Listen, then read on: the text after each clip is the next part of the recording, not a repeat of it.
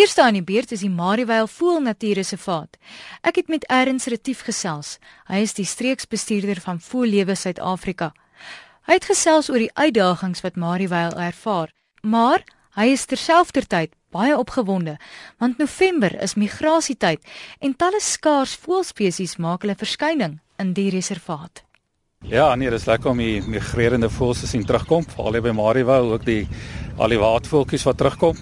Jy kan sien party van hulle is nog so 'n bietjie in broeidrag. Hulle het nog nie almal hulle broeidrag verloor daarvan van Europa af nie. Ehm um, Marievale is 'n uh, eh, wat ons noem important bird and biodiversity area deur BirdLife South Africa so verklaar en BirdLife International. Jy weet ons dink dat die hele gebied op 'n gereelde basis het oor die 20000 watervoëls in hierdie hele groter Blesbokspruit area. En dis daarom baie belangrike bewaringsgebied vir vir watervoëls. Ehm um, En ehm um, so dit is vir ons regtig belangrik om te kyk hoe ons die plek kan bewaar. En natuurlik is lekker om mense hê so vriende van van Marievale wat ook uitkyk vir die omgewing. Daar's baie probleme by die spesifieke omsite.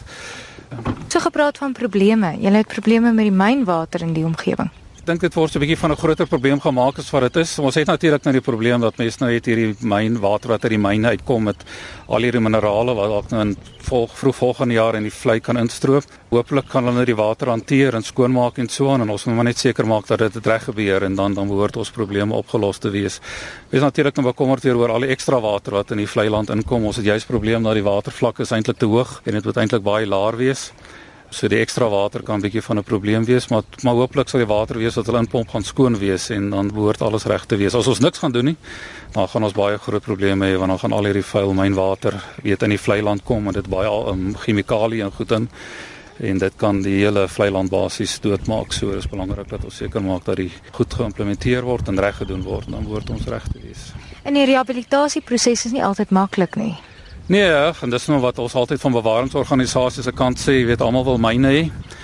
Maar jy weet die regering sal vir die volgende vir die res van ons basies van die land se bestaan sal ons daardie water moet rehabiliteer en skoonmaak. Dis klomp chemikalie wat moet gebruik word om die water skoon te maak. Dit gaan miljoene rande kos en dis 'n permanente probleem. Jy weet, so ons praat altyd oor die geld wat ons kry vanuit mynbedrywighede en ons is nie teen myne nie.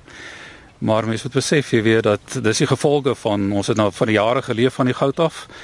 Nou moet ons betaal vir vir die kostes van hierdie mynbedrywighede en dit is wat mense maar moet besef om nuwe myne te bou. Klink altyd lekker en goed vir die ekonomie, maar die langtermynkoste daaraan verbonde is baie keer maar baie duur en dit is waarna mense moet kyk. En ons het onlangs die riete hier 'n bietjie uitgedun. Hoekom is dit nodig? Weet jy die meeste van die riete wat ons kry is uit Heemse riet wat van Australië afkom. Ehm um, en ongelukkig ehm um, te veel riete ehm um, maak die plek vir watervoëls minder want daar's minder oop water. Maar dit beïnvloed ook die vloei van die water. So die water vloei nie deur soos dit moet nie. En weet dit beïnvloed met ander woorde die ekologiese werking van die van die hele vlei land. Uh maar aan die ander kant speel dit 'n goeie rol want ehm um, dit help ook om al die minerale uit te filter wat nou van myn aktiwiteite en van gebiede inkom en so aan so dit dit weet al hierdie water gaan deur na die Vaalrivier toe, so dis goed ook, jy weet dat dit in 'n mate weet 'n filter um, rol vervul.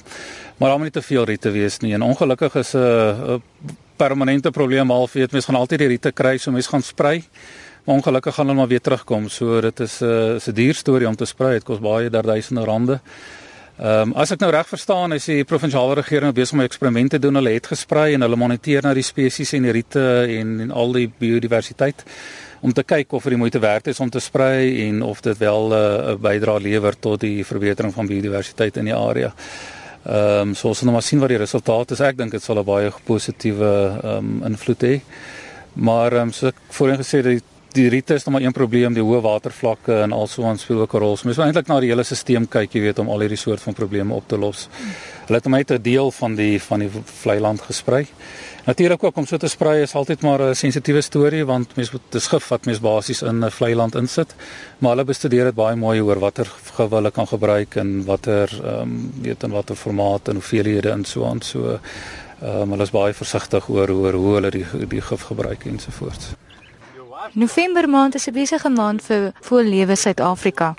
Ja, nee, dit is natuurlik soos ek sê dit is die lekker tyd van die jaar na die winter al die voelkykers kan 'n uh, bietjie wakker word en is nie meer so koud nie. En um, ons het natuurlik goed soos groot kykvoeldag wat op die 29 November plaasvind wat mense nou maar kyk hoeveel spesies hulle in 24 uur kan sien en so aan. So ja, nee, dis 'n uh, lekker tyd um, vir vir voelkykers en voelfotograwe om uit te kom en die voëls is in hulle mooi broeidrag, jy weet besig om te verander alhoewel ek sien nie rooi vinke hier by Marie wil sukkel nog om in hulle nuwe drag te kom. So maar ja, dit is 'n lekker tyd van die jaar van nou af. Ehm um, dis reën, is word skoon en nuut en al so aan. En is altyd lekker om in November voels te kyk. Ek het ook gesels met van die vriende van Marievale, D Johnson, Justin Donaldson en Ron Burrows. Hulle is komiteelede van Wessa en vorm deel van die Springs Nigel omgewing. Hulle is vrywillig betrokke by die instandhouding van die Marievale Natuurreservaat en hulle het my saamgenooi na uitkykpunt. D, wat sien jy daar? Ooh, daar gaan 'n 'n 'n wit paar sterretjie. Hulle bly hier en dan die die ehm um, wit vlekstertjie kom van van Noord-Europa af en hulle begin nou inkom. Party van hulle in hulle broeiklere en hulle is net te pragtig. Die het al verkyker hier reg. Nou ek kan sien julle is baie passievol oor hierdie plek. Ron. Die die voorlewe hierso is is van die beste. Hoeveel spesies kom omtrent hier voor? Ons sit omtrent 300 spesies hierso hang af van natuurlik wat is seisoen wat jy nou hier sien en, en soos alle wild dit dit wissel jy kan eendag kom baie vol sien volgende keer dan sien jy nie baie nie maar daar is uh, definitief uh, baie voels hier so ek sien julle is opgewonde daaroor iets wat sien julle daar? Die? Dis die pectoral sandpiper. Oh. I'm sure that's it. Van waar af kom hy kom van die wat hulle sê die Nearctic area en dit is dit strek van Kanada tot in Groenland en Iceland is deel van die Palearctic area. Dit kom ook voor in die Palearctic area en dit is uh, Noord-Europa tot uh, Wes by Siberia. Jy kry ook die ruffs Hulle kom in groot getalle van die Palearctic area. Hulle kom van van die Urals ook in in uh, Siberia en so aan kom hulle na na uh, Marievale toe op pad. Ander plekke toe, party van hulle bly hier die hele somer en dan gaan hulle weer terug na na die Noordse somer toe. Justin, wat het jy nou al vanoggend gesien? Ek het nie so baie rondgekyk vandag nie, maar ons is so besig met beplannings en sien wat ons moet gedoen word hierso. So ons is nou besig om vas te kyk. Ron, watter spesies kom algemeen hier voor? Blesso nou dis die daar's miljoene van hulle hierso en baie van die reiers, daar's 'n hele verskynsel reiers hierso. En uh seldsame voëls, uh sometimes kry ons die die uh, visarende. Ons het selfs die uh, sekretarisvoël gekry hierso. Uh, en natuurlik daar's ook klein klein wild, daar's uh drie verskillende uh, meisonde hierso, daar's jakkalse, daar's estervarke, daar's die die soort gewone uh goed en dan die ander aan, aantreklikheid hierso is die blomme. Van nou af begin die blomme kom en daai dit is baie mooi hierso met as die reëns nou begin kom. En dit is ook 'n uh, moeite werd. Jy weet mense kan kom kom stap, is heeltemal veilig en dit uh, kan ek voorstel uh nou van November sal dit baie mooi wees wat blomme met.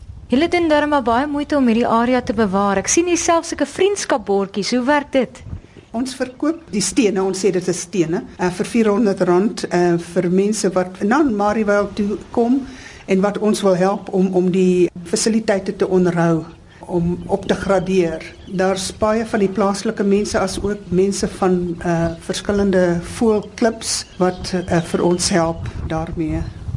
Die hoe werk hierdie vriendskapsteentjies en hoeveel kos dit? Dit is R400, maar dit help ons baie. Dit en vanaf ons ons hierdie uh, muur begin het met die met die stene op.